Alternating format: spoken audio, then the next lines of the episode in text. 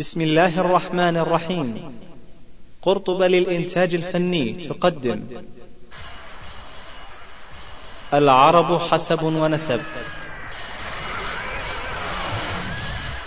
يا أيها الناس إنا خلقناكم من ذكر وأنثى وجعلناكم شعوبا وقبائل لتعارفوا إن أكرمكم عند الله أتقاكم. العرب حسب ونسب.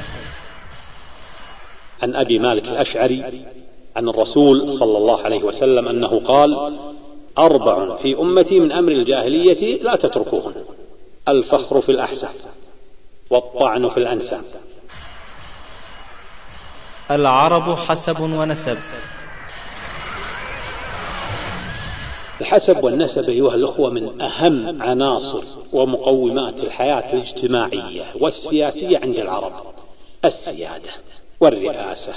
والزعامة والجاه والنفوذ والمصاهرة وغيرها من أمور تتعلق بحياتهم ومعيشتهم كلها مرتبطة بالحسب والنسب.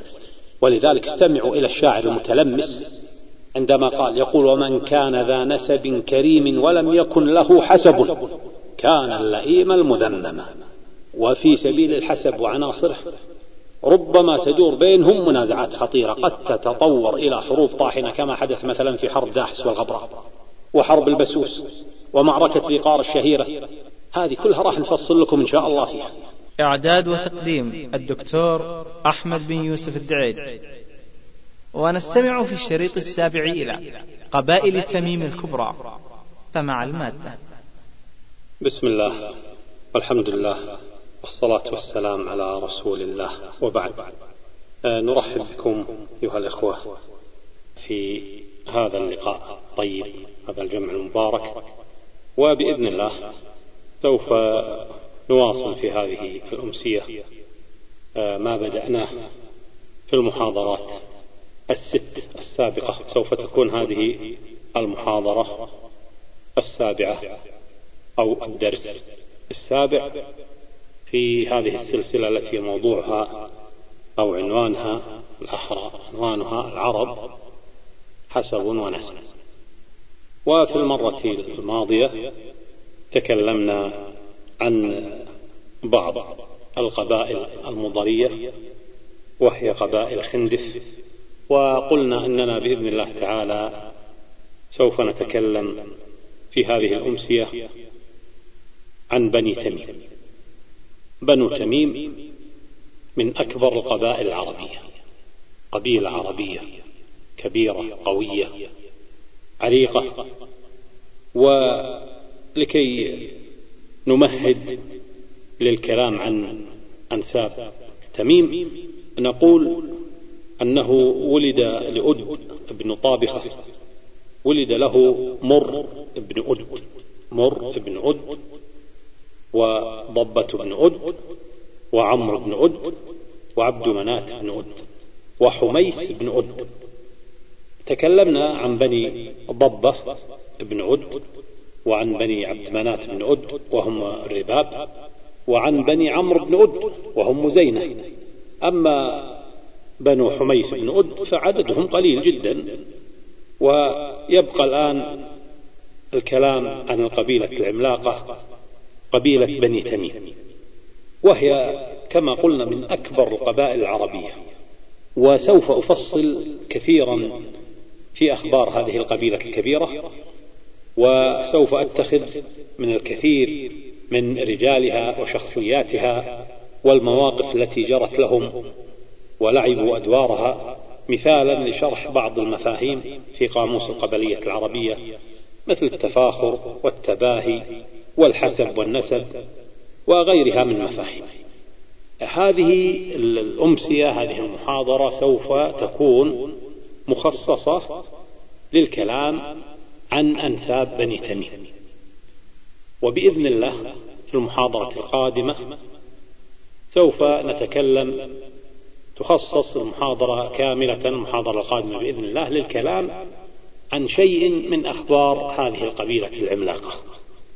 وقلنا أن مر بن أد ابن طابخة ابن إلياس بن مضر ولد له أولاد عدة منهم تميم بن مر وأخوته ولكن الذي برز منهم هو تميم.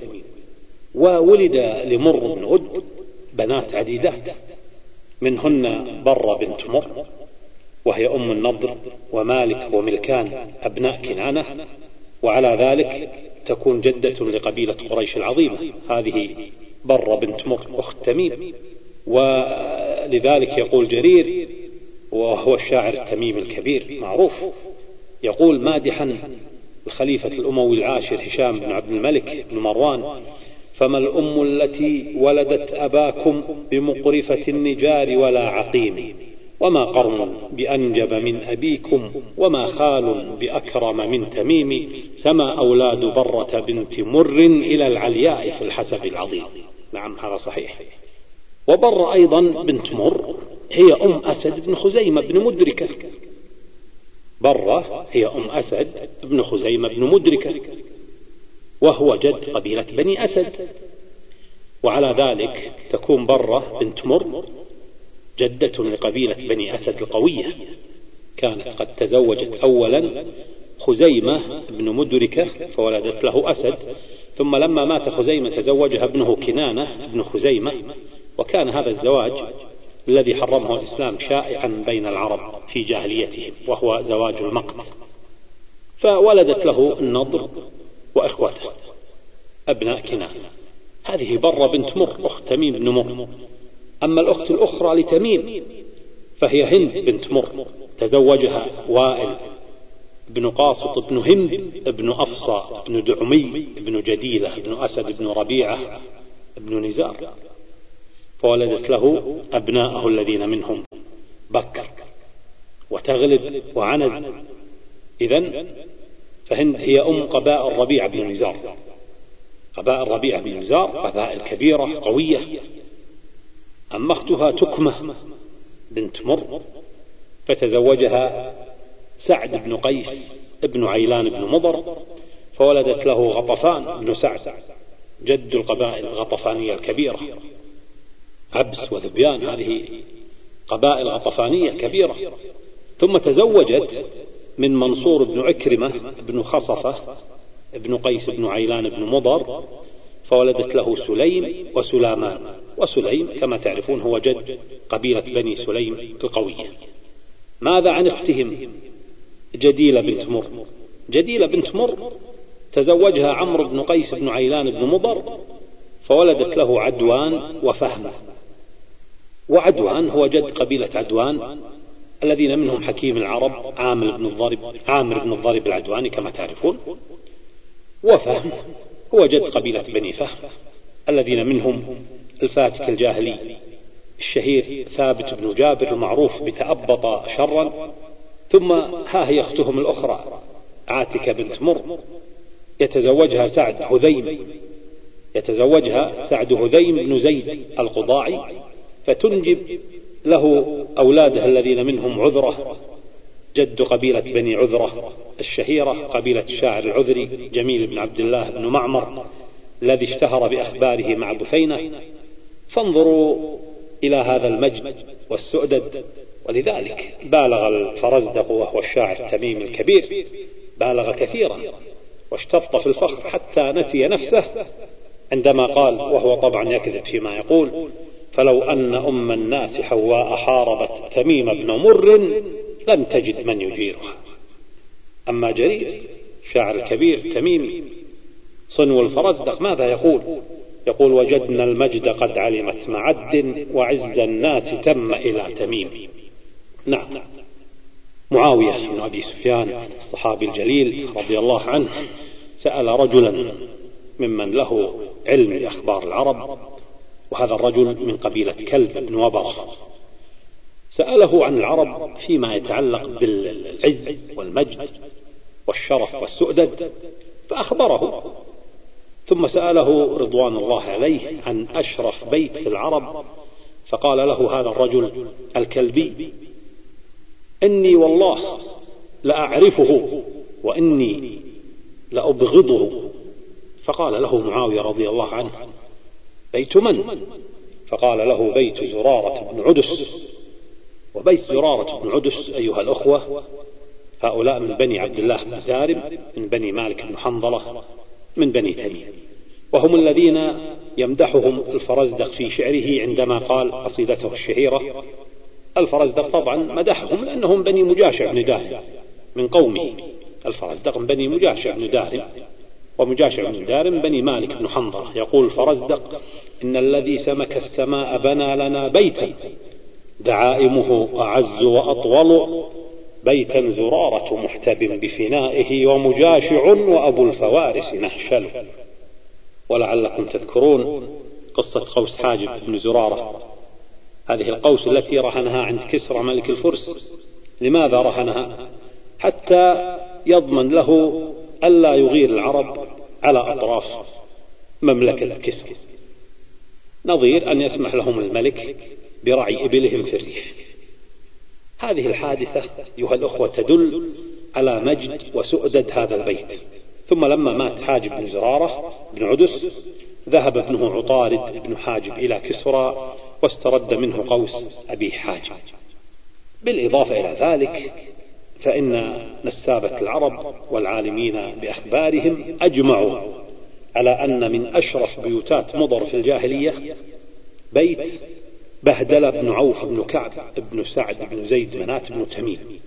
ولهم في ذلك قصة مشهورة حدثت في مجلس النعمان بن منذر ملك الحيرة في العراق وكان رؤساء القبائل العربية يزورون النعمان. زيارتهم الموسمية معروفة يزورون الملك النعمان بن منذر اللخمة كانوا مجتمعون عنده فأمر رجاله النعمان أمر رجاله بأن يحضروا له بردي محرق. ومحرق هو الملك عمرو بن المنذر اللخمي وهو من ملوك المنابرة لقب بمحرق لأنه أحرق جماعة من بني تميم في قصة معروفة.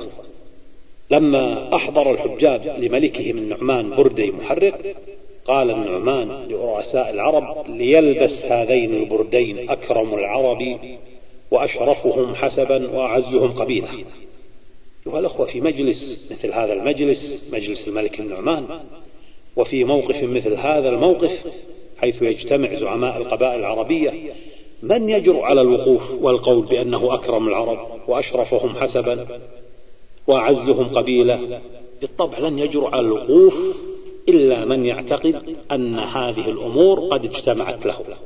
عندها وقف الأحيمر بن خلف بن بهدل بن عوف بن كعب بن سعد بن زيد منات بن تميم فقام واتزر بأحدهما وارتدى الآخر فلم ينكر عليه أحد من العرب. والقصة هذه طويلة ولكن يعني هذا موجزها أيها الأخوة. ولذلك يفتخر الفرزدق بهذه الحادثة قائلا لهم وهب النعمان بردي محرق بمجد معد والعديد المحصل. نعم. بنو تميم أيها الأخوة هم أرداف الملوك وهذا شرف لا يعطيه ملوك المناذرة إلا لأشرف العرب. ماذا تعني ردافة الملوك؟ ردافة الملوك هذه التي كانت في بني رياح من بني يربوع بن حنظل بن مالك بن زيد منات بن تميم كانت فيهم لماذا ردافة الملوك؟ لأنه لم يكن أحد في الجاهلية من العرب أكثر منهم إغارة على ملوك الحيرة فصالحهم ملوك الحيرة على أن يعطوهم الردافة. ويكفوا نظير ذلك غاراتهم على عن أهل العراق على السواد. وأول من ردف الملوك هو عتاب ابن هرمي ابن رياح بن يربوع وردافة الملوك هي أنه إذا جلس الملك في مجلسه يجلس الردف عن يمينه. فإذا شرب الملك شرب الردف قبل الناس. وإذا غدا الملك قعد الردف في مكان الملك وكان خليفته على الناس حتى يعود. وإذا عادت كتيبة الملك بالغنائم أخذ الردف المرباع من الغنيمة. يأخذ الردف المرباع من الغنيمة. نعم هذا يعني بعض أخبار آه، وعز وشرف وسؤدد بني تميم. نعم سؤدده هذه بعض يعني من أخبارها في هذا المجال ونحن أيها الأخوة أو يعني من يبحث في كتب الأنساب لا يكاد يقرأ القارئ في كتاب من كتب الأنساب الكبيرة المعتبرة عن نسب قبيلة بني تميم إلا وتجد هذه الأبيات. يقول ذو الرمة الذي قال هذه الأبيات يقول يعد الناسبون إلى تميم بيوت المجد أربعة كبار يعدون الرباب وآل سعد وعمرا ثم حنظلة الخيار. ويهلك بينها المرأي لغوا كما ألغيت في الدية الحوار. هذه الأبيات قالها ذو الرمة كما قلنا وذو الرمة هو غيلان بن عقبة ابن بهيش ابن مسعود ابن حارثة بن عمرو بن ربيعة ابن ساعد بن كعب بن عوف ابن ثعلبة بن ربيعة ابن ملكان بن عدي بن عبد منات ابن أد ابن طابخة بن الإياس بن مطر. توفي في السنة السابعة عشر بعد المئة من الهجرة في الدولة الأموية وهو هنا في هذه الأبيات يفصل في بطون قبيلة بني تميم فذكر أولا الرباب وهم كما تعرفون أبناء عبد منات بن أد الخمسة وقلنا أنهم دخلوا مع بني عمهم بني تميم بن مر بن أد وأما عمرو فهو عمرو بن تميم وسعد الذي ذكر في الأبيات هو سعد بن زيد منات بن تميم وأما حنظلة فهو ابن مالك بن زيد منات بن تميم. من هو المرأي؟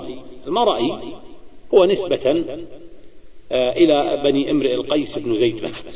وهم قليلون. ليسوا كبني عمهم بنو سعد بن زيد منات وبنو حنظلة بن مالك بن زيد منات ولذلك دخلوا مع بني عمهم بنو عوف بن سعد بن زيد منات وشبههم لقلتهم بالحوار.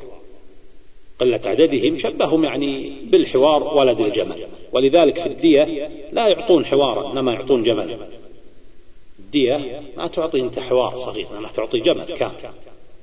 يقول جرير أيضا الشاعر الشهير أفاخر بالرباب وآل سعد وزيد منات إذ خطرت قرومي نعم. تميم بن مر أيها الأخوة ولد له زيد منات وعمر والحارث ويربوع.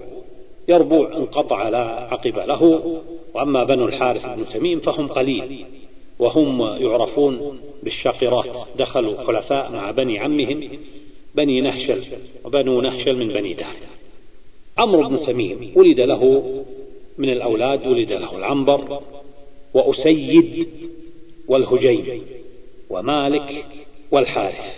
الحارث هذا يلقب بالحبط آه، لعظم بطنه. ولد له أيضا عمرو بن تميم ولد له قطبة والقليب ثم بشة ومرة ولكن بشة ومرة انقطع لا عقب له.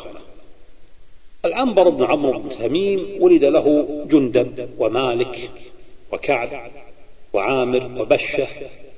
أمهم المفداة بنت سواد بن بهثة بن ضبيعة بن ربيعة بن نزار بن معد. وجندب بن عمرو بن تميم هو الذي قال المثل الشهير انصر أخاك ظالما أو مظلوما. أن العنبر بن تميم ليسوا بقليل ظهر منهم الكثير من الرجال. منهم عنز بن نقب الذي يعرف بسارق العنز لأنه سرق عنز النبي صلى الله عليه وسلم كما يقولون.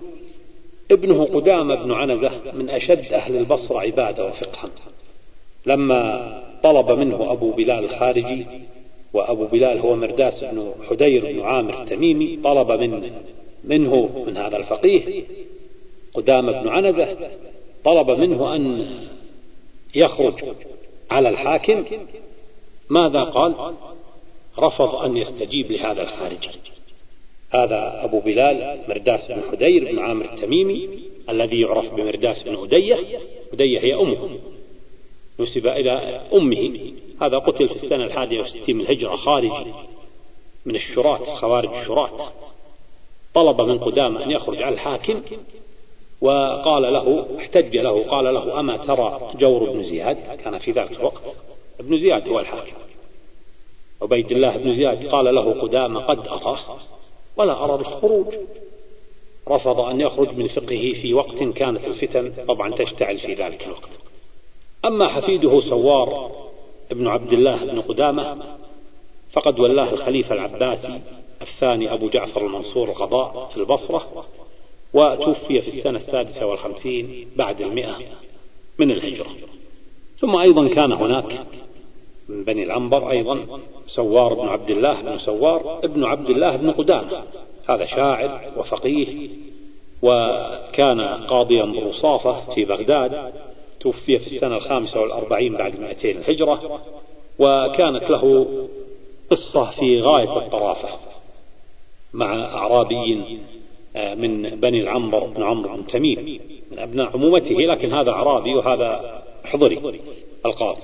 فقال له إن أبي مات وتركني وأخي. هذا الأعرابي أتى للقاضي عرف أنه من بني العنبر وهو شهيد سوار بن عبد الله بن سوار. فقال له إن أبي مات وتركني وأخي. ثم خط الأعرابي خطين أمام القاضي. ثم واصل قائلا يعني مات أبي وتركني وأخي. ثم واصل قائلا بعد أن خط الخطين وهجينا. وخط الأعرابي خطا آخر بعيدا عن الخطين الذي سبق له أن خطهما. ثم سأل الأعرابي القاضي فكيف يقسم المال؟ لا شك بأن الأعرابي يعني يتحرى ألا يقع في الحرام ولذلك جاء يسأل القاضي. والأعرابي يعرف أن لأخيه غير الشقيق الحق مثله وشقيقه الآخر في الميراث. ولكنه مع ذلك غير مقتنع على الإطلاق بأن أخاه الهجين ندا له ولشقيقه في الميراث. القاضي سوار بن عبد الله بن سوار فقيه كبير لما سمع هذا السؤال سأله سأل الأعرابي يريد أن يتأكد هذا سؤال بسيط استشكل على فهم الأعرابي فسأله قال هل هناك وارث غيركم؟ فقال الأعرابي لا. قال القاضي فالمال بينكم أثلاثا المال يقسم بينكم أثلاثا أنتم ثلاثة إخوة. فقال الأعرابي الجلف ما أحسبك فهمت عني؟ إنه تركني وأخي وهجينا فكيف يأخذ الهجين كما آخذ أنا ويأخذ أخي؟ قال القاضي أجل. يعني ليس في الشرع خلاف ذلك. فغضب الأعرابي وقال لسوار ما علمت والله إنك قليل الخالات بالدهناء. فرد عليه القاضي الفقيه لا ضرني ذلك عند الله شيئا. والدهناء كما تعرفون أيها الأخوة صحراء. في الجزيرة العربية في المملكة العربية السعودية وكذلك صحراء الصمان كانت من ديار بني تميم في الجاهلية. بنو الحارث بن عمرو بن تميم ليسوا بكثير والحارث بن عمرو آه، لقب بالحبط لكبر بطنه وذلك لأنه أكثر من أكل الصمغ فورم بطنه وأبناؤه هم الحبطات من بني عمرو بن تميم. يعني هذا الحارث بن عمرو هو أول من أكل الصمغ. نعم. مالك بن عمرو بن تميم ولد له مازن وغيلان وأسلم وغسان والحرماز وهو الحارث بن مالك. ولمازن بن مالك آه ثمانية من الأولاد من الولد. منهم حرقوس ورزام ورالان ومن بني حرقوس الخارجي الخبيث قطري بن الفجاءة والفجاءة تعني القدوم فجأة وهو لقب لأبيه جعونة بن مازن بن يزيد ومنهم سلم بن أحوز المازني قائد شرطة نصر بن سيار وهو الذي قتل الخبيث الجهم بن صفوان القضاعي القائل بالقول المنكر بخلق القرآن. هو الذي أول من قال بخلق القرآن. ومن بني مازن أيضا عباد بن علقمة بن عباد بن صعير الذي قتل أبا مرداس بن حدير الخارجي. ومن بني مازن شعبة بن عثمان الذي أرسله عبد الله بن علي بن عبد الله بن عباس لمطاردة مروان بن محمد آخر الخلفاء الأمويين بعد هزيمته في معركة الزاب في السنة الثانية والثلاثين بعد المئة الهجرة. إذا هؤلاء الرجال من بني مازن ابن مالك بن عمرو بن تميم. وأيضا من بني الهجيم بن عمرو بن تميم لا نزال نتكلم عن عن بني عمرو بن تميم. نقول من بني الهجيم بن عمرو بن تميم برز أيضا الكثير من الشخصيات. ومن بني الهجيم الحملع بن أعفر الذي رد الزبير بن عوام القرشي لما خطب منه. ومن بني عمرو بن تميم بنو أسيد بن عمرو الذين منهم الصحابي الجليل حنظلة بن الربيع ابن صيفي ابن رياح بن الحارث وهو ابن أخ أكثم بن صيفي وكان حنظلة رضوان الله عليه يكتب للرسول عليه السلام. ومنهم أبو هالة هند بن النباش بن زرارة زوج أم المؤمنين خديجة بنت خويلد ولد له منها ابنه هند بن هند. ومنهم حكيم العرب أكثم بن صيفي. هذا من حكماء العرب في الجاهلية. أدرك الإسلام معمر حتى بلغ كما يقولون 190 آه، عاما. بلغ من العمر يعني شيء مهول 190 عاما كما يقولون.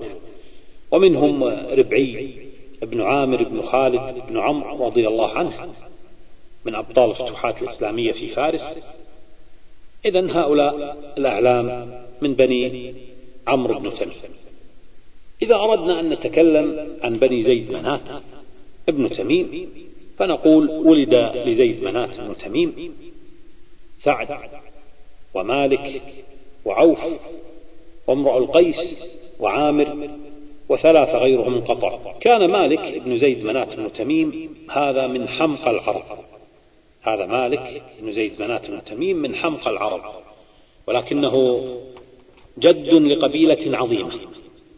برز منها الكثير من سادات العرب ورجالها ويضرب بمالك أيضا المثل في معرفته بأمور الإبل وشؤونها ويروى عنه أو له رواية مع أخيه يقولون إنه انشغل مالك كان قد تزوج حديثا انشغل بامرأته وكانت له هذه القصة الطريفة فقام أخوه سعد بن زيد منات وأورد الإبل ولم يكن بمثل مهارة أخيه مالك فقال مالك بن زيد منات أوردها سعد بيت شهير. أوردها سعد وسعد مشتمل. ما هكذا تورد يا سعد الإبل؟ أوردها سعد وسعد مشتمل. ما هكذا تورد يا سعد الإبل؟ لسعد بن زيد منات ولد سبعة من الولد كعب وعمر. ابن سعد بن زيد منات تعرف ذرياتهما بالبطون ثم الحارث وعوافة وجشم ومالك وعبد شمس وتعرف ذريات هؤلاء الخمسة بالأبناء. بنو كعب بن سعد بن زيد منات هؤلاء من أكبر بطون بني تميم. بنو كعب بن سعد بن زيد منات من أكبر بطون بني تميم. وفيهم البيت والعدد وعندما نقرأ صادفكم هذه العبارة فيهم البيت والعدد في كتب الأنساب أو التاريخ أو الأدب العربي. عبارة فيهم البيت والعدد فالبيت تعني العز والقوة. أما العدد فتعني الكثرة. ولكعب من الولد عمرو وعوف وله كذلك الأجارب والأجارب هو لقب بنيه الآخرين وهم ربيعة وحرام وعبد العزى ومالك وجشم وعبد شمس والحارث الأعرج. ومن ولد بني عمرو بن كعب بن سعد بنو منقر بن عبيد بن مقاعس. هؤلاء لهم شهرة كبيرة. بنو منقر بن عبيد بن مقاعس بن عمرو بن كعب. منهم قيس بن عاصم بن سنان بن خالد بن منقر الذي لما وفد على الرسول المصطفى صلى الله عليه وسلم قال عنه صلى الله عليه وسلم هذا سيد أهل الوبر هذا سيد أهل الوبر سيد أهل الوبر. هذه قالها الرسول صلى الله عليه وسلم. لقيس بن عاصم. وسيد أهل الوبر تعني سيد البادية. وقيس بن عاصم موصوف بالحلم عند العرب وله أخبار في ذلك كثيرة أخباره في الحلم كثيرة. ولكنه مع ذلك وفي بعض الأقوال هو أول من وأد البنات. وذلك خشية الفضيحة والعار.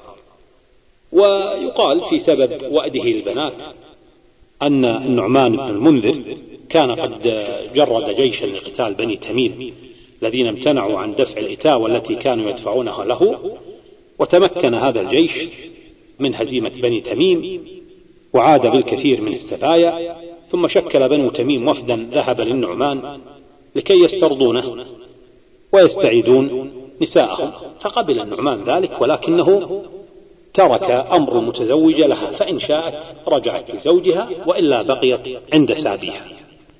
عادت النساء المسبيات إلى أزواجهن ما عدا ابنة لقيس بن عاصم أبت أن تعود لزوجها.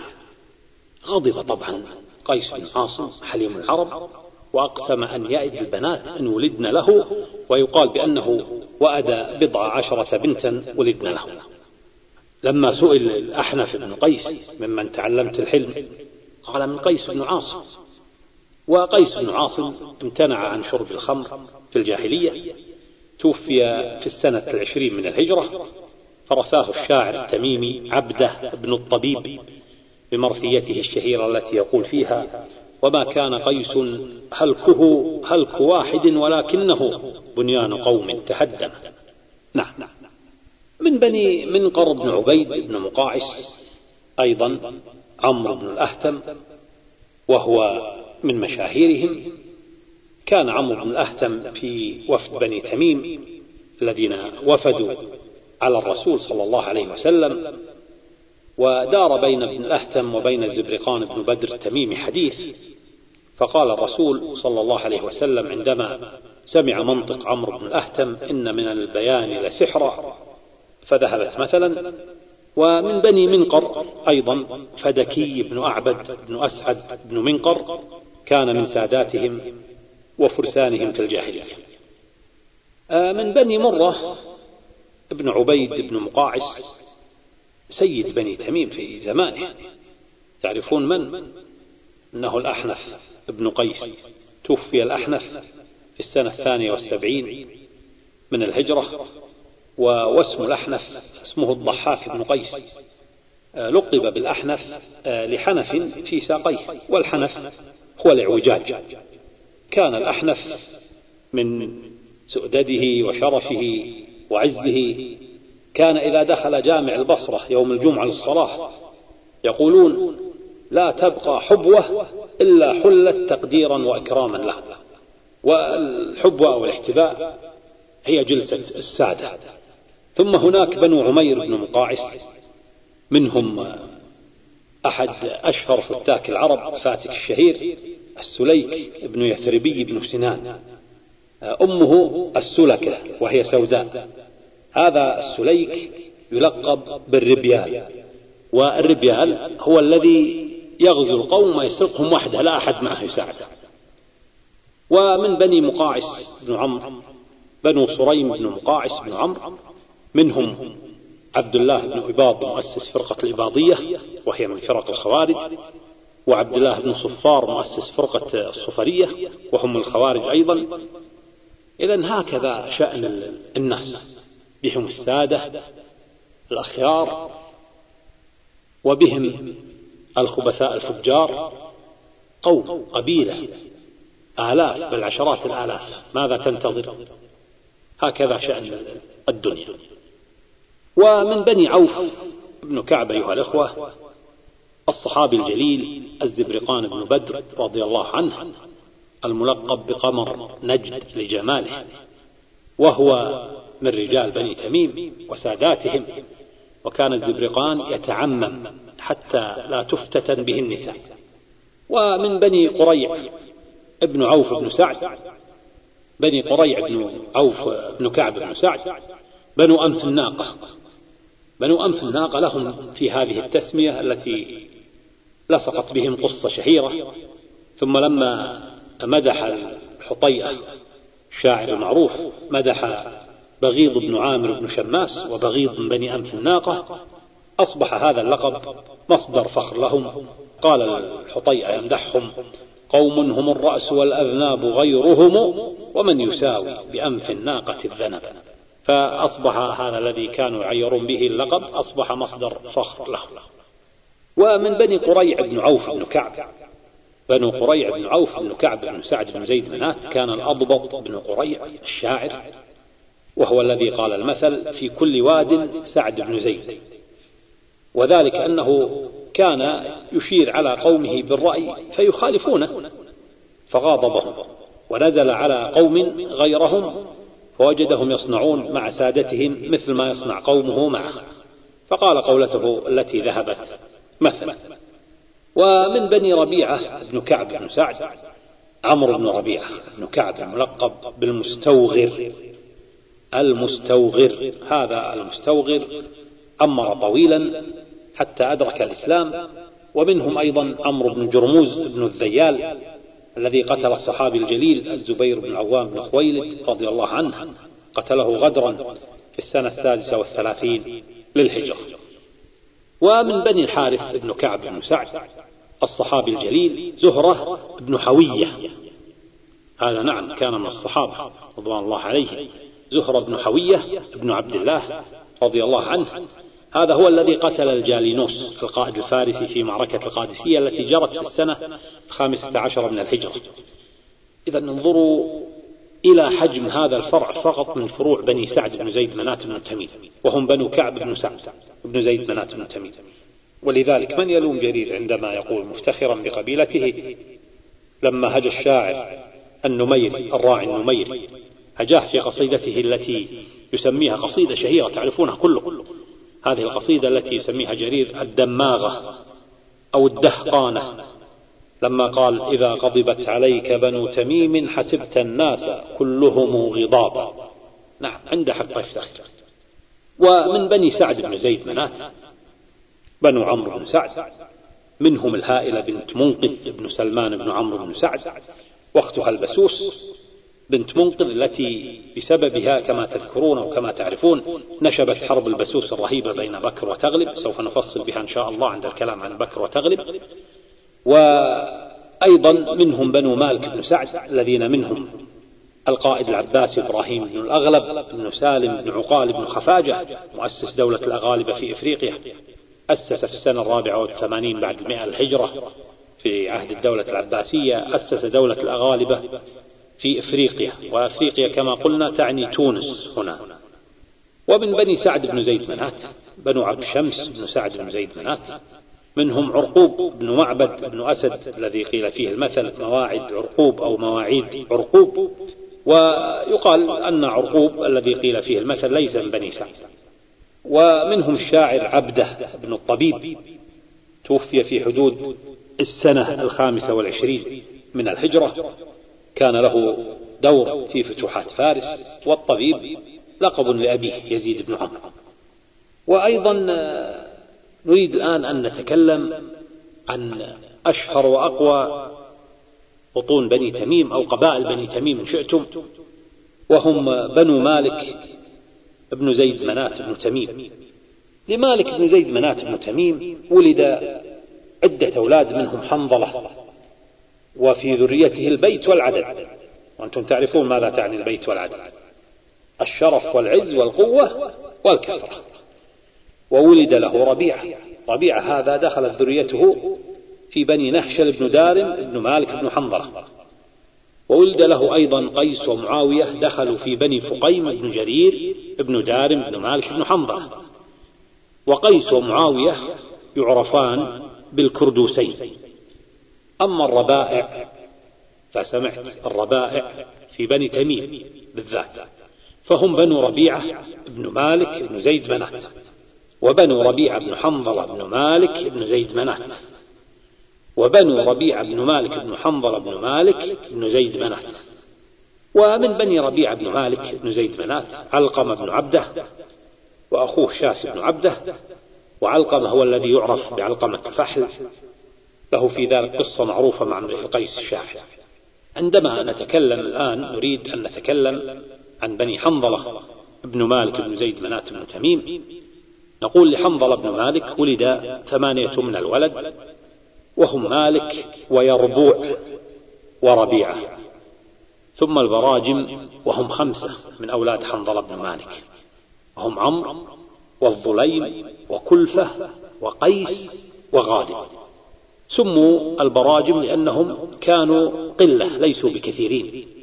فقال لهم حارث بن عامر بن عمرو بن حنظلة بن مالك أيتها القبائل التي قل عددها تعالوا فلنجتمع ولنكن كبراجم اليد. والبراجم دخلوا مع بني عبد الله بن دارم ومن البراجم الحافظ الكبير إسحاق بن راهويه. توفي في السنة الثامنة والثلاثين بعد مئتين للهجرة. لمالك بن حنظلة ابن مالك بن زيد منات بن تميم ولد عشرة من الولد. دارم وربيعة ورزام. أمهم من قضاعة وولد له زيد والصدي ويربوع. أمهم من بني عدي بن عبد منات بن أد. نسبوا إلى أمهم فهم بنو العدوية. وولد لمالك بن حنظلة أيضا أبو سود وعوف أمهم تميمية ويعرفان ببني طهية وهي طهية بنت عبد شمس بن سعد. وولد له أيضا جشيش أمه تميمية أيضا وكعب أمه الصحارية من قضاعة. الآن نأتي للحديث عن بني دارم سادة بني تميم. ولد لدارم ابن مالك بن حنظلة عبد الله ومجاشع وسدوس وخيبري. أمهم تغلبية بني تغلب. وولد له نهشل وجرير. أمهم تميمية. وولد له أبان والجوال وشيطان. أمهم من بكر بن وائل. وولد له مناف أمه من قضاعة. الآن عبد الله بن دهل ولد له زيد أمه من بني عمرو بن حنظلة. وولد له أيضا أمية ومعاوية وقتة ووهب وعبد منات أمهم ليلى بنت جمهور بن عبد. أمهم ليلى بنت جمهور بن عبد. ابن جروة بن أسيد بن عمرو بن تميم. وفي قول أمهم ليلى بنت جمهور ابن عبد غدي ابن جروة ابن أسيد ابن عمرو بن تميم. وهذا هو الأرجح. وولد لزيد بن عبد الله بن دارم عدس وحق ومرة وحارثة. وربيعة وجناب وعبد الله ومالك. أمهم فاطمة بنت نحشل بن دارم. ولقد تحالف بنو زيد بن عبد الله بن دارم على أخيهم عدس فهم الأحلاف بسبب هذا الحلف. أما بنو عدس بن زيد فإنهم تحالفوا مع بني أعمامهم بنو عبد الله بن دارم. ولد لعدس بن زيد زرارة وعمر وشراحيل ويثربي ومسعود. وكان زرارة بن عدس بن زيد بن عبد الله بن دارم أحد أبرز رجال العرب في الجاهلية. ولد له حاجب ولقيط ومعبد وعلقمة ولبيد وأبا الحارث وعمر ومالك وعبد منات ولحاجب ابن زرارة. ولد خمسة من الأبناء أشهرهم عطارد بن حاجب أسلم ثم ارتد ثم أسلم. وللقيط ابن زرارة بنت شهيرة كان يكنى بها اسمها دختنوس وهو اسم فارسي تزوجها فارس بني تميم عمرو بن عمرو بن عدس. خرج من أحفاده الكثير من المشاهير في الجاهلية والإسلام. أما معبد بن زرارة فولد له القعقاع وله أيضا أبناء آخرين ولكن كان العقب في ولد القعقاع. وكان القعقاع بن معبد من سادات بني تميم في الجاهلية والإسلام. ولد له الكثير من الأبناء وكانوا سادة. ومن بني عبد الله بن دارم المنذر ابن ساوى بن عبد الله بن زيد بن عبد الله بن دارم صاحب حجر. أما بنو مجاشع بن دارم فمنهم الأقرع بن حابس بن عقال بن محمد بن سفيان بن مجاشع الأقرع بن حابس بن عقال بن محمد بن سفيان بن مجاشع وهو من سادات بني تميم. ومن المؤلفة قلوبهم ومنهم الشاعر الكبير بني مجاشع منهم الشاعر الكبير الفرزدق حمام بن غالب بن صعصعة بن ناجية بن عقال والفرزدق توفي في السنة العاشرة بعد المئة الهجرة. وولد لنهشل بن دارم قطن وزيد وعبد الله أمهم لبنى بنت زيد بن مالك بن حنظلة وجندل وصخر وجرول أمهم تماضر بنت بهدل بن عوف بن كعب بن سعد بن زيد منات بن تميم. وولد له أيضا أبير أمه لبنى بنت زيد بن مالك بن تميم وصخر بن نهشل بن دارم هو الذي قيل فيه المثل أنجز حر ما وعد قاله الحارث بن عمرو آكل المرار الكندي. وبرز من بني نهشل بن دارم الكثير من سادات بني تميم. كانت منهم ليلى بنت مسعود بن خالد بن مالك بن ربعي بن سلمي بن جندل بن نهشل تزوجها أمير المؤمنين علي بن أبي طالب خليفة الراشد الرابع رضي الله عنه. فولدت له ولديه عبيد الله وأبا بكر. ومنهم أسماء بنت مخربة ابن جندل. هذه أسماء بنت مخربة أو مخربة في نطق. ترى من أشد الأمور أيها الأخوة هنا ضبط الأسماء في غاية الصعوبة. واجهتني صعوبة كبيرة جدا في ضبط الأسماء. أخذت وقت كثير في في بحث كيف أضبط الأسماء. فهي أسماء بنت مخربة. ابن جندل أم أبي جهل عدو الله عمرو بن هشام أخيه الحارث. إذا هذه نبذة بسيطة عن بني دارم وبنو دارم من سادات بني تميم ولذلك يفتخر الفرزدق وهو همام بن غالب بن صعصع كما قلنا ابن ناجية بن عقال بن محمد بن سفيان ابن مجاشع بن دارم فيقول ومنا الذي أحيا الوئيد وغالب وعمر ومنا حاجب والأقارب. الذي أحيا الوئيد هو جد الفرزدق صعصع بن ناجية وغالب غالب بن صعصع أبو الفرزدق. أما عمرو فهو عمرو بن عمرو فارس بني تميم اللي تكلمنا عنه قبل قليل. وحاجب هو حاجب بن زرارة بن عدس. والأقارع يقصد بهم الأقرع بن حابس بن عقال بن محمد بن سفيان بن مجاشع وأخوه فراس بن حابس. هؤلاء هم الأقرع أقرع بن حابس وفراس بن حابس. نريد الآن أيضا أن نتكلم عن فرسان بني تميم. نريد أن نتكلم عن بني يربوع بن حنظلة بن مالك بن زيد منات بن تميم.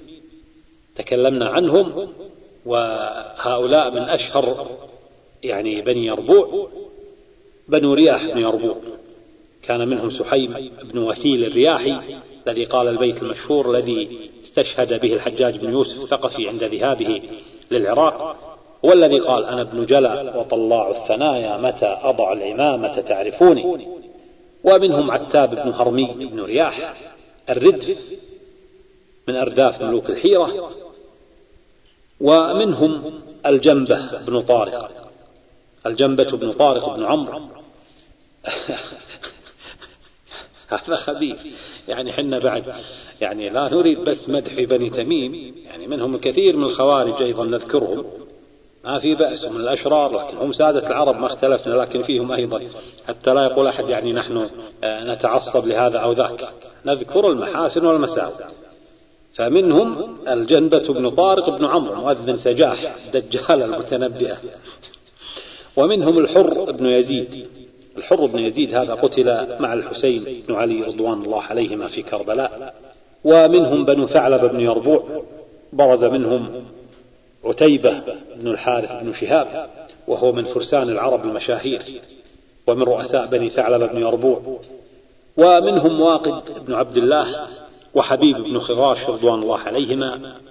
واقد بن عبد الله وحبيب بن خراش من الصحابة رضوان الله عليهما بل من أصحاب بدر ومنهم مالك بن نويرة الذي قتل في حروب الردة أمر بقتله خالد بن الوليد رضي الله عنه.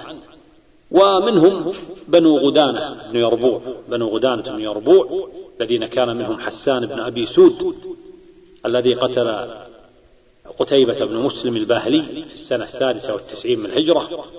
ومن بني يربوع بن حنظلة بن مالك بنو العنبر بن يربوع منهم سجاح المتنبئة وهي سجاح بنت أوس بن حق بن أسامة.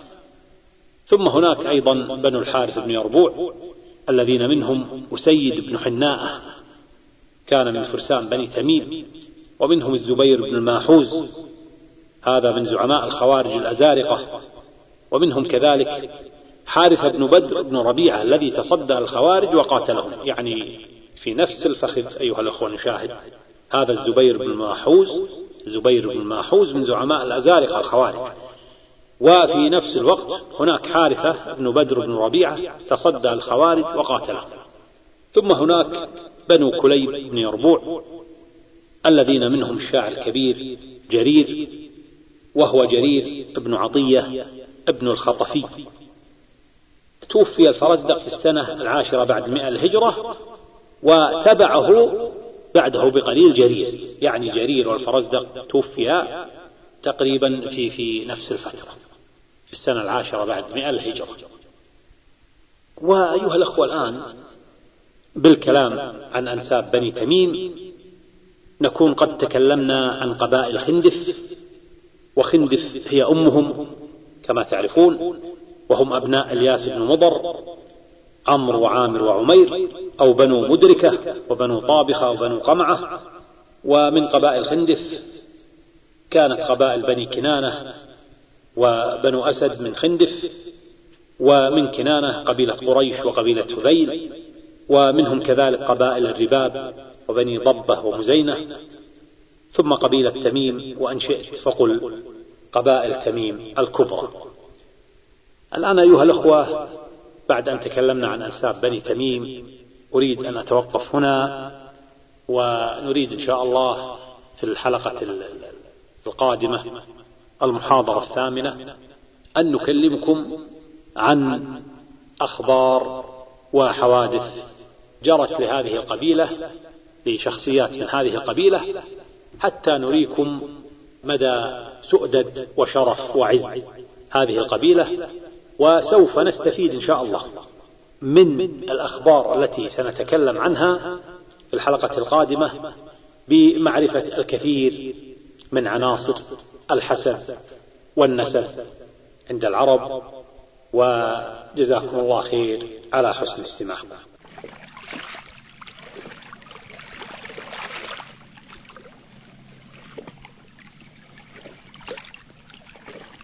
وفي الختام نرجو منكم الاستماع إلى بقية المادة علما أن جميع الحقوق محفوظة. مع تحيات قرطبة للإنتاج الفني. هاتف أربعة سبعة تسعة واحد ثلاثة اثنان ثلاثة. فاكس أربعة سبعة ثلاثة صفر صفر خمسة خمسة. والسلام عليكم ورحمة الله وبركاته.